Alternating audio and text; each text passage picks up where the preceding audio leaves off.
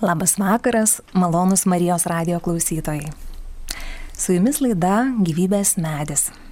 Ir šį vakarą pas mus dalyvauja Kauno klinikų anesteziologijos klinikos vadovas, profesorius daktaras Andrius Matas. Sveiki. Labas, Labas vakaras, vakaras, profesoriau. Aš esu Smiltė Jureitė, lektorė, rinkodaros ir komunikacijos specialistė, bendruomenės Totus Tūs narė. Ir šiandien mes kalbėsime labai jautriais ir įdomiais bioetikos klausimais. Taigi, profesoriu, gyvenam tokiu nepaprastu metu. Ir nors dabar vyksta karas Ukrainoje ir pagrindinis visų mūsų dėmesys bei maldos skiriamos taikos prašymui. Popiežius Pranciškus dar anksčiau buvo paskelbęs kovo mėnesio maldos intenciją primindamas pasaulį apimančius bioetikos iššūkius. Popiežius sako, kad akivaizdu, jog mokslas pažengia į priekį ir šiandien bioetika mums kelia daugybę klausimų, į kuriuos turime atsakyti.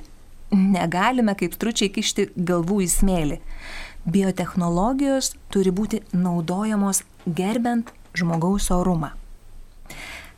Kaip jūs manote ir kaip jūs matote, su kokiais pagrindiniais bioetikos iššūkiais šiandien susiduria medicina? Taip, tai aišku, klausimai jie turbūt nieko nesiskiria, ką mes e, turime daugelį metų, daugelį pastarųjų metų, jūs jau išvardinote.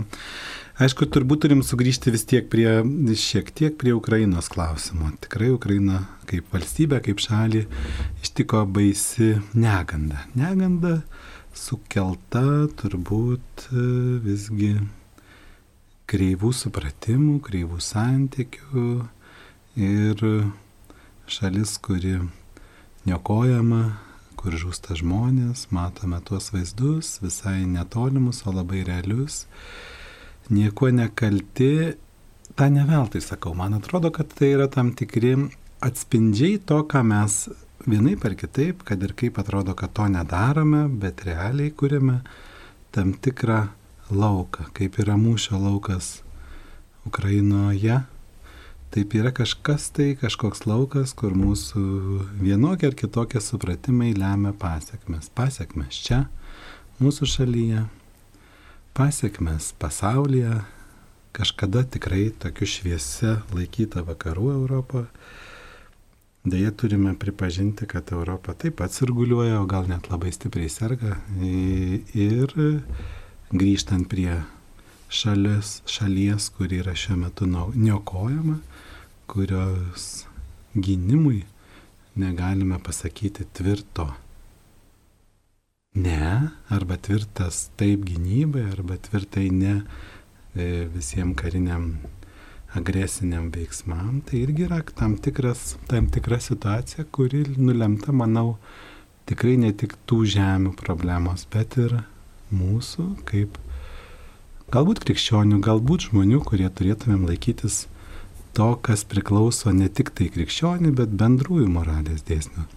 Taigi sirguliuojam. Mano manimu sirguliuojam ir lygiai taip pat medicinai tenka susidurti su iššūkiais. Medicina daro, medicina ar biomedicinos mokslai, patikėkite, tiek gydytojai, tiek slaugytojas, tiek mokslininkai dirbantis.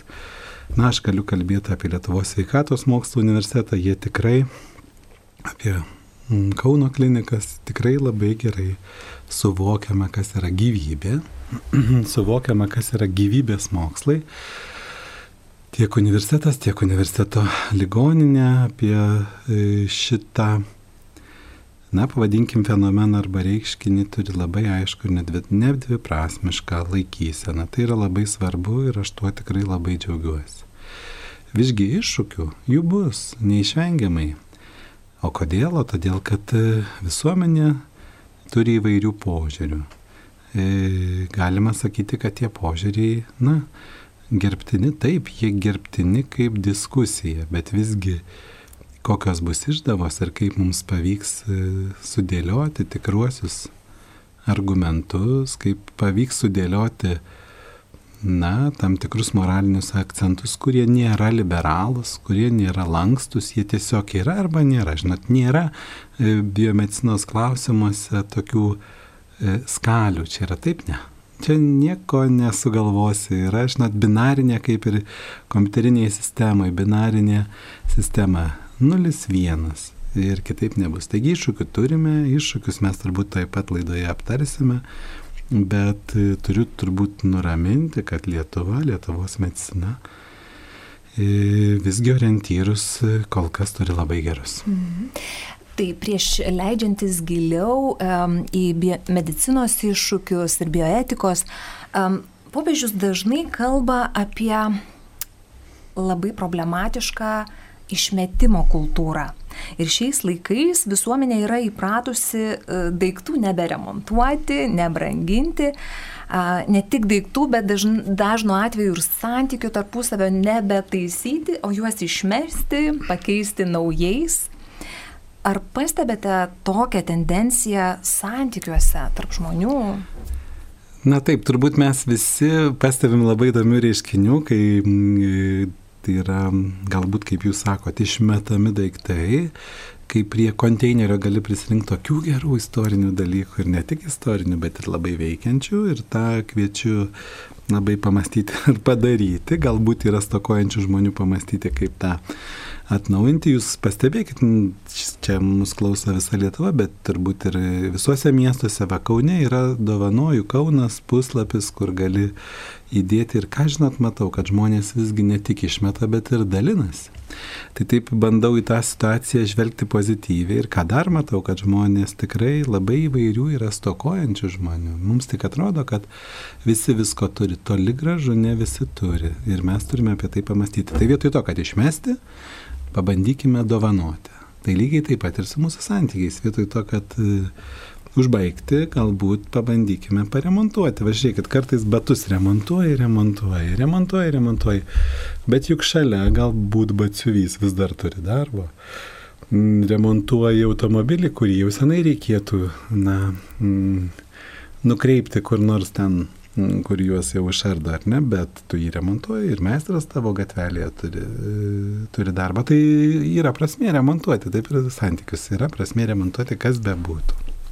Aš dar priminsiu tiems, kurie prisijungė prie mūsų tik dabar, kad šiandien gyvybės medžio laidoje aš kalbinu Kauno klinikų anesteziologijos klinikos vadovą, profesorių daktarą Andrių Matsą. Profesoriau, sakykit, kaip jums atrodo, kodėl dabar, kai tiek daug dėmesio skiriama įvairiausių žmogaus teisų ir laisvių apsaugai, pagrindinė žmogaus teisė į gyvybę dažnai yra ignoruojama. Ir um, kalbant pavyzdžiui apie abortus, dažnai pastebim, kad nebeveikia um, nei mokslo įrodymai, nei moralės principai. Mhm. Ar galėtumėt tai pakomentuoti? Tai, turbūt turim sakyti labai paprastai, akcentai sudėlioti ne taip ir tada ta loginė seka, kas yra, kas yra A, kas yra B, jinai išskysta, mes e, nesiorientuojam nei laikę, nei erdvėje, pradedam kai kuriuos šalutinius argumentus statyti arba akcentuoti kaip pagrindinius. Ir e, tai yra laikmetis, kai mes kalbame apie teisės ir pareigas, kurios labai gerbtinos ir labai svarbios, bet teisės ir, na, iš tiesų laisvės, bet apie pareigas kalbam mažai ir pareigas kalbam visuose, arba kalbam ir kartais kalbam tyrose, turbūt tenka pripažinti, kad laikmetis yra labai patogus. Visi daug maž turime ką valgyti, visi daug maž net ir nevykdodami pareigų kažkaip išgyvensime, tada atsiranda, man taip atrodo, daugiau galimybių kalbėti apie teisės, apie laisvės, ir nebūtinai, dėja, nebūtinai gerai sudėjus akcentus. Ir tada visai nieko pikto nemenint, apie kiekvieną iš mūsų visada galvoju apie save. Nieko čia nereikia kalbėti apie kitus. Aš irgi esu pasirinkęs įvairių teisų ir laisvių, kurios turbūt, žvelgiant ramiai, jeigu pasadintų koks mane ten, jau nekalbu apie mm, Dievą ar ne, bet koks nors šventas Petras sakytų, žiūrėk, Andriu, čia blogai, nu nelabai gerai, čia irgi nelabai gerai, nu nelabai gerai, bet mhm. juk tai teisė mano. Tai čia mano teisė, bet prie dangaus vartų įdomu, ką aš ten vapėsiu sėdėdamas, jeigu dar begalėsiu ką nors ir pasakyti. tai lygiai taip pat apie abortus čia turbūt nėra ką diskutuoti. Deja, tai blogi, turbūt tikrai blogi arba netvarkingi argumentai, kurie yra sudėti ir neretai užsimerkta prieš tikrą realybę. Grįžkime prie Ukrainos, juk užsimerkiam, kad vaikai žūsta. Mhm. Juk užsimerkiam, kad žūsta moteris, kad tie patys vyrai, kurie augino šeimas. Nu kaip? Gal ką nors, ne, aš negaliu sakyti, tikrai lietuviai stengiasi, aukoja, dovanoja, negaili pinigų. Bet ar visas vakarų pasaulis taip daro? Ar mes, kaip katalikų bendruomenė, penktadienį nuėjom į tas pačias popiežiaus paukojimo mišes? Daug mačiau. Labai gerai, puiku. Žiūrėkit, e, kitas labai jautrus ir tikrai daug klausimų e, keliantis iššūkis yra dirbtinis apvaisinimas su tuo susiję ir nepanaudotų embrionų klausimai, jų laikymas, medicininiai bandymai, sunaikinimas arba šaldymas neribotą laiką. Kokia būtų krikščioniškos medicinos, jeigu taip galima pasakyti, krikščioniškos medicinos, krikščioniško prieimo, koksai būtų požiūris? E, į šitą klausimą atsakinė turbūt kaip ir vėlgi e, į pačią medicinos va šią sritį, E, reiktų žiūrėti ne kompleksiškai, bet yra tikrai kompleksinės klausimas, nenoriu sakyti problema, nes turi ir probleminių dalių, turi ir neprobleminių dalių, turi tikrai didžiuliai, didžiuliai pasiekimai, reikia pripažinti, negali nuvertinti, kad kas tai yra pasiekta. Dalis šios medicinos ryties, turbūt galiu sakyti taip, medicinos ryties dalis gali ir yra visai krikščioniška ir neprieštarauja bažnyčios mokymui arba tikėjimo e, dalykam. Juk yra ir dirbančių akušerių gynekologų, kurie yra, na, turbūt griežtai e, praktikuojantis, labai konservatyvus gerąją prasme, Bet ir čia yra segmentas, kuris e, moraliai nekelia būtent dirbtinio apvaisinimo, tam, tikru, tam tikri veiksmai, metodai, jie gali būti visiškai priimtini ir yra priimtini. Ir, bet kaip sakau, problema yra kompleksinė ir kai mes migruojame prie tam tikrų jos sričių ir jūs liečiate arba klausėte arba minite vėlgi situaciją apie embrionus, kai jų tikrai susidaro daugiau negu vienas, daugiau negu du ir dar daugiau ir jų klausimas yra, na, kritiškai, kritiškai svarbus. Iš tiesų atrodo, kad mes čia turime didelę bėdą.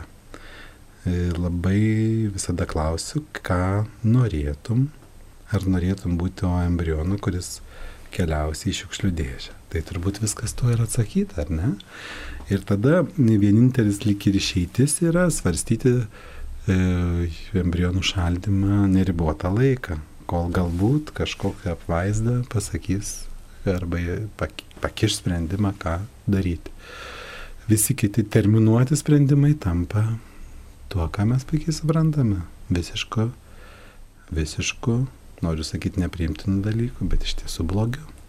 Iš tiesų, juk būna, kad ir įtėviai ar globėjai pasakoja, kad pasiekus paauglystę įvaikinti jaunuoliai pradeda ieškoti savo tikrųjų šaknų, savo tėvų, giminių, nes žmogui pasidaro labai svarbu suprasti ir jausti, iš kur jisai kilęs, kur jo tos tikrosios šaknis. Tai o kaip tada šitą problemą sprendžia iš anoniminių embrionų donorų kilę žmonės? juk jie iš tikrųjų, nu, kaip ir mhm. niekada neturės galimybės nei savo tėvų pažinti, nei šaknų ir kokios čia gali kilti problemos. E, turbūt vėl turim būti labai tikslus. E, grįžkime prie tų tėvelių, kurie augina e, įvaikintus vaikelius. Jie puikiai žino, kokias patiria, na, paauglystė arba įvairiais etapais sugdydami savo vaikus, savo priimtus vaikus, atlikdami nuostabų darbą prieš kurį galima tik lenkti galvą, kokiu turi sunk, patiria sunkumu ir kuriuos sprendžia ir su Dievo pagalba aš labai ne tik tikiu, bet ir matau, kaip daugeliu atveju sekasi spręsti, kad ir kaip sunkiai, bet spręsti.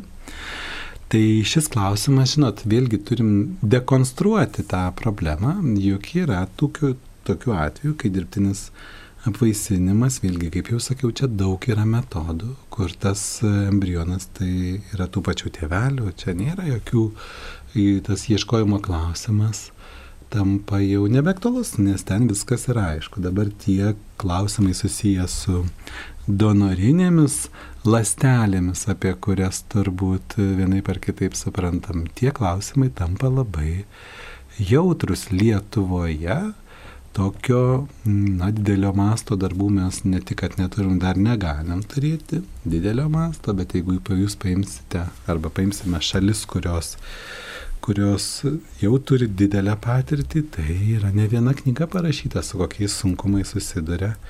Ir tie sunkumai yra labai, labai dideli. Tai turbūt vienu žodžiu, nors čia nebuvo vienas žodis, turim sakyti, kad tai klausimas nelengvas. Ir neaišku, ar jisai visgi, kai turėsime labai daug e, taip pradėtų žmonių, ar tai nebus didi bėda.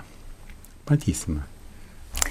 Mes pakalbėjom mm, šiek tiek apie tą gyvybės pradžią, bet vis dažniau pasitaiko um, apie tą žmogaus gyvenimo kelionės pabaigą įvairių um, naujų pasiūlymų ir spekulacijų, kaip antai uh, Visai neseniai teko skaityti apie naują pasiūlymą - eutanazijos kapsulę kaip dar vieną lengvesnį išėjimo iš gyvenimo būdą.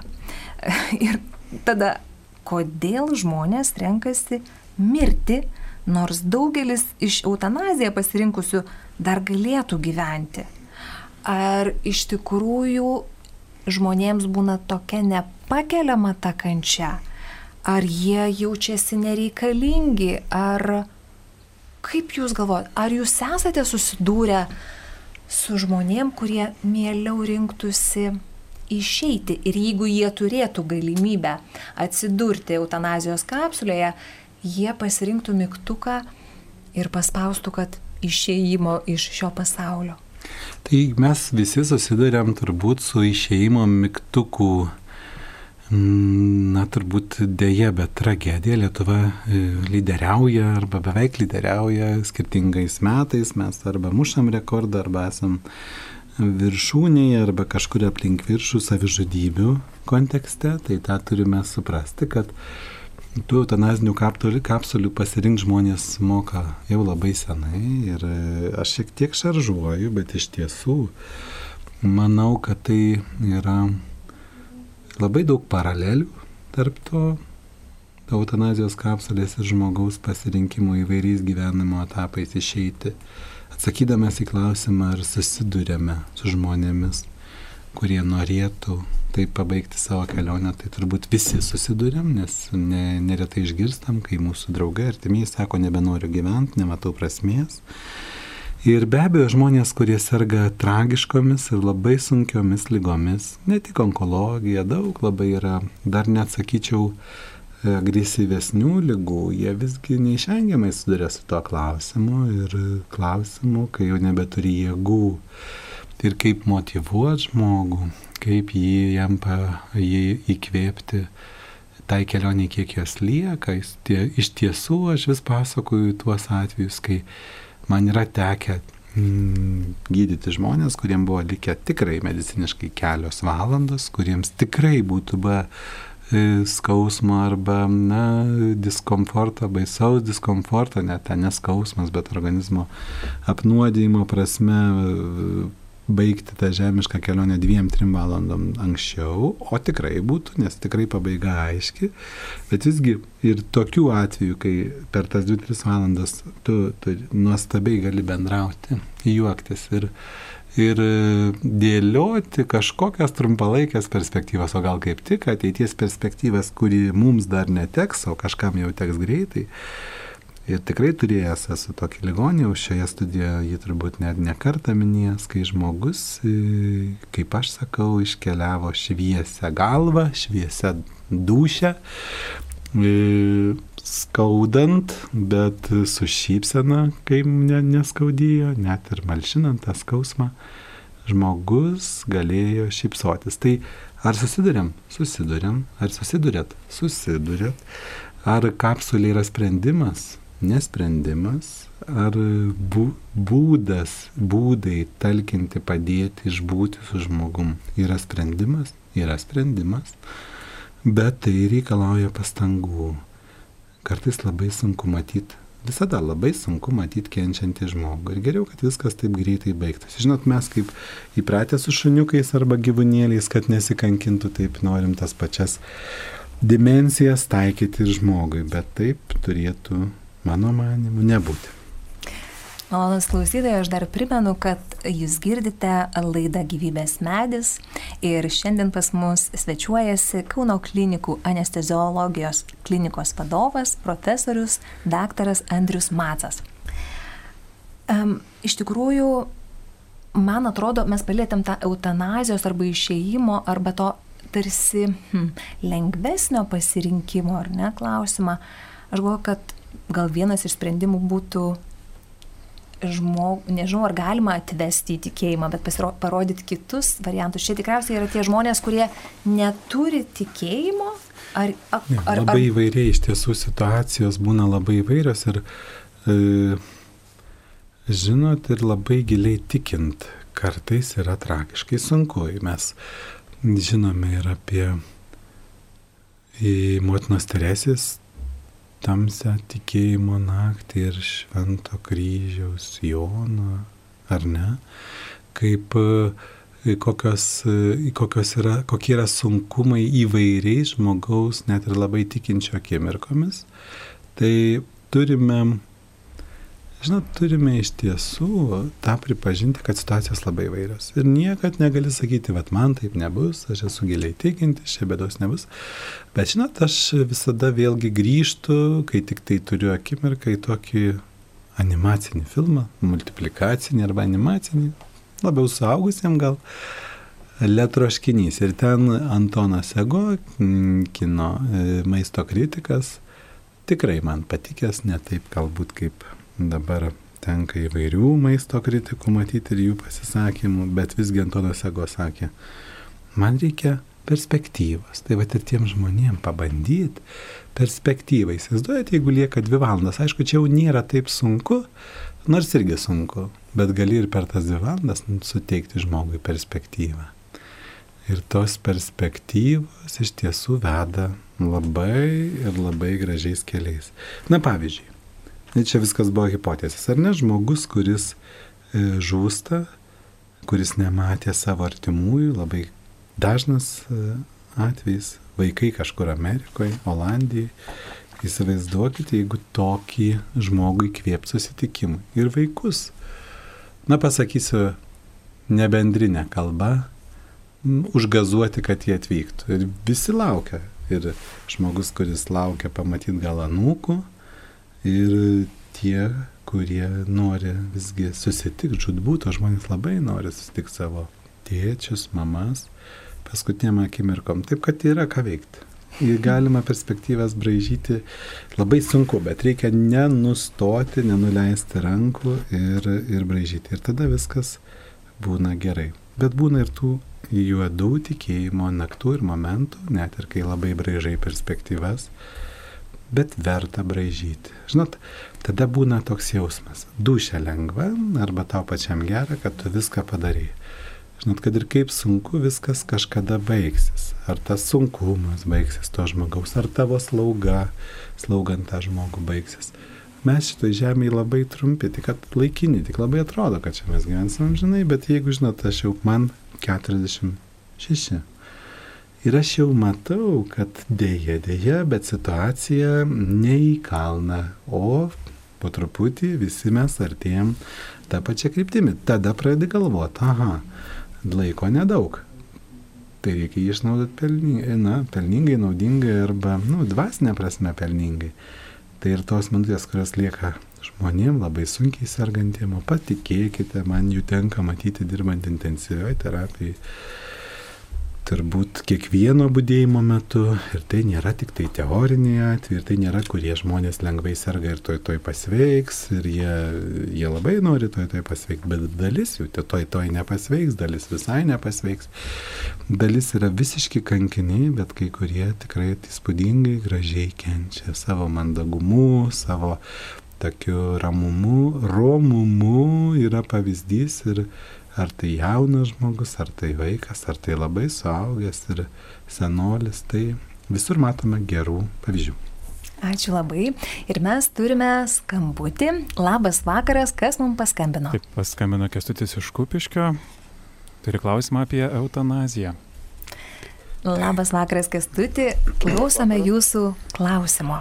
Norėčiau truputį paprieštarauti, mat klausimo reiškia vienas dalykas dėl eutanazijos, kad žmogus, e, jeigu jam davė Dievas e, laisvą valią ir teisę rinktis, tai jis turėtų pats pasirinkti šiuo atveju, sakysime, ten e, dėl apsispręsti, ar jis nori, nes, nu, žiūrėkit, yra Šveicarijoje labai ten klinika, ten važiuoja visi Europos ir net turtingi, ten žinau, kad atvažiavo milijonierių pora ten kažkur apie šimto metų ir jie nusprendė nusižudyti. Tai čia vienas klausimas. O kitas klausimas, jūs kaip įdomiai pasakė dėl šitų embrionų. E, dėl gyvybės, bet žiūrėkite, juk spermatozoidai ir kiaušinėliai irgi yra gyvi. Jie nėra negyvi, bet, bet mes kažkodėl sakome, kad natūraliai gali, reiškia, e, e, jie natūraliai gali numirti. Bet jeigu sakysime dabar, kaip jau paklausiau, kaip iš mokslo pusės, jeigu jau zigota, kodėl su, kas sugalvojo, kad zigota tai jau yra vaikas, tai žmogus.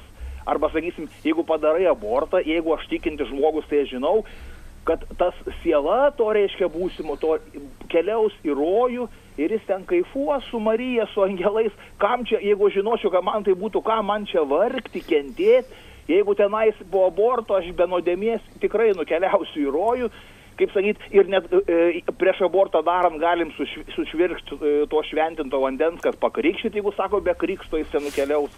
Ir tada bus e, ten amžinas kaifas. Tai vad nesuprantu, kur, kur, kur čia blogumas to aborto iš tikėjimo pusės. Ačiū, ačiū už jūsų mintis ir čia aš pabandysiu dabar, ačiū labai už skambutį ir už jūsų mintis, to mes ir norim, to mes ir susirinkom iš tikrųjų e, padiskutuoti. Tai e, buvo iš dviejų dalių tokios, a, sakyčiau, gal net neklausimai, o replikos. Mhm. Pirmoji dalis buvo apie tai, apie eutanaziją. Kodėl maždaug, jeigu Dievas davė žmogui laisvą valią, gal jisai gali tą laisvą valią pasinaudot, pasirinkti mhm. gyventi ar ne. Koks būtų jūsų kaip daktaro, bet lygiai kaip krikščionio praktikuojančio Tai požiūris. pats klau, klausytojas atsakė į klausimą, minėdama žodį savižudybė. Tai žinot, tai yra savižudybė iš tiesų asistuota, jeigu daktaras arba kažkoks tai specialistas tą daro, tai aš turiu pasakyti, kad tose šalyse, kur tai yra nutinka, pavyzdžiui, buvusi labai katalikiška Belgija.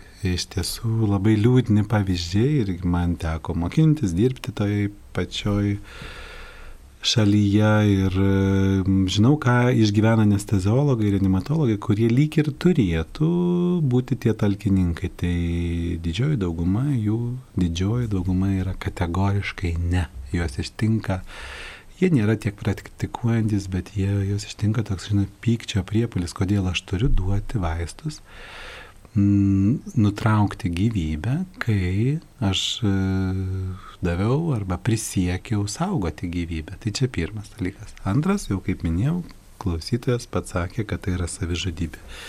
Kas yra savižudybė, turbūt jau reikėtų jau ne gydytojo, bet turbūt ir net ne teologo, bet, e, bet turbūt, turbūt kiekvienas kunigas ar, ar kiekvienas e, e, apmastęs mes kiekvienas suprantame, kad visgi Dievas davė gyvybę.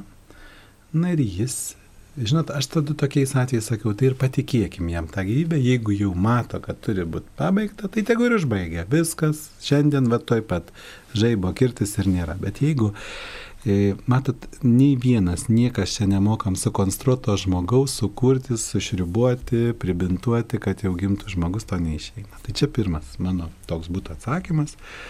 Antroji m, klausytojo klausimo dalis, čia Taip. norėčiau nesutikti, todėl. Nes ten, aš priminsiu, kad jeigu kurie negirdėjo, e, klausyto m, klausimas arba replika buvo apie tai, kad, nu, vat, kodėl, nuo kad, galbūt paaiškinti galėtumėt kaip iš medicinos pusės, ar ne, nuo kada, vat, gyvybė yra gyvybė. Nes klausytojas sakė, kad, nu, net pati užuomasga spermatozoidas susijungdamas jau jisai yra gyvybė. Ar, ar vat, kaip?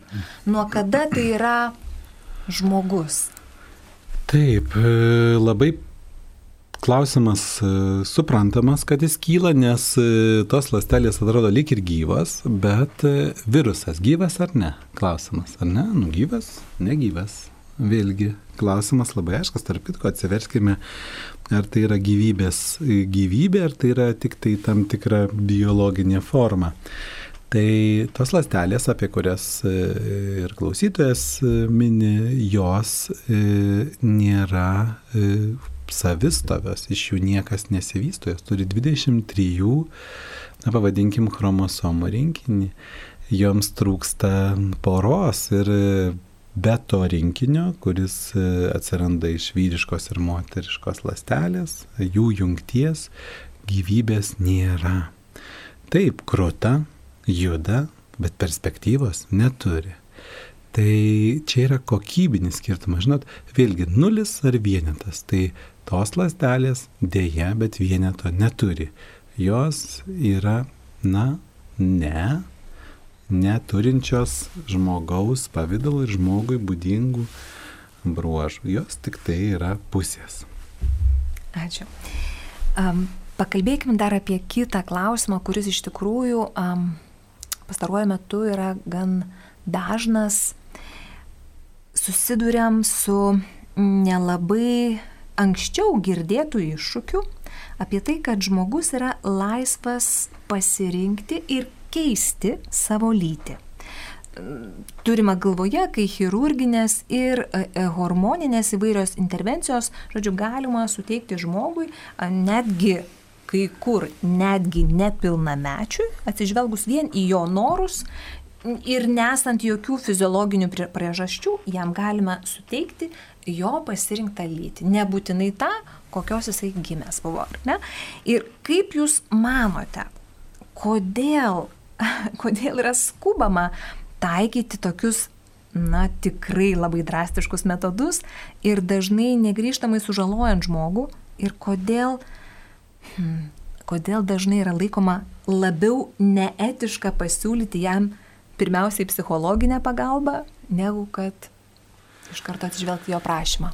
E, Kodėl taip yra labai, iš vienos pusės nesunku pasakyti, nes turbūt pasaulyje yra didelė sumaištis. Iš kitos pusės turbūt turime pasakyti, kad e, e, galbūt kas, kažkam ta sumaištis yra palanki. Ir čia labai daug įvairių pamastymų yra, bet tuos pamastymus turbūt turime pasilikti kažkuriam tai kitam. E, vėlgi turbūt didžiulės gali būti konferencijos, kodėl taip vyksta. Bet e, žmogaus, e, aš čia paklausiu, iš karto grįžkim prie paauglių, jie gali pasirinkti lytį, o kaip jiems padėti, jeigu jie po metų norės jau kitos lyties, arba norės sugrįžti to, ko buvo, arba klaus, kodėl jie nebuvo sustabdyti. Yra vėlgi mes tai, ką matome žiniasklaidoje, tai, ką matome diskusijose, metai yra viena.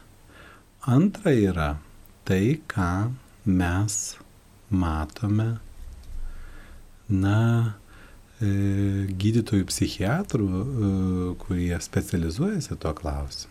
Ir ką jie sako?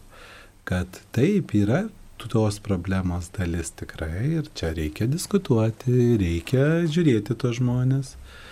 Bet skaičiai yra labai įdomus. Daugumai reikia koreguoti ne lyties tapatumo klausimą, o klėdėsi, kurį reikia gydyti, reikia dėlioti prioritetus ir tada matyti. Tai, tai va.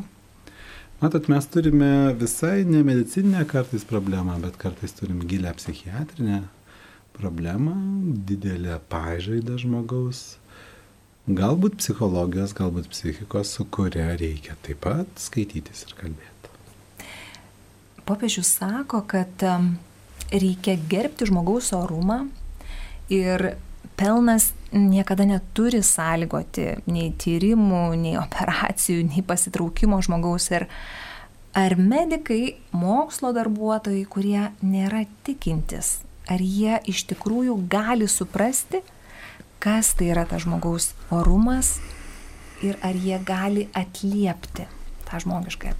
Turbūt labai paprastas atsakymas ir turime, ir mes jaučiame, kad yra netikinčių žmonių, o besielgiančių panašu, kad daug geriau negu mes.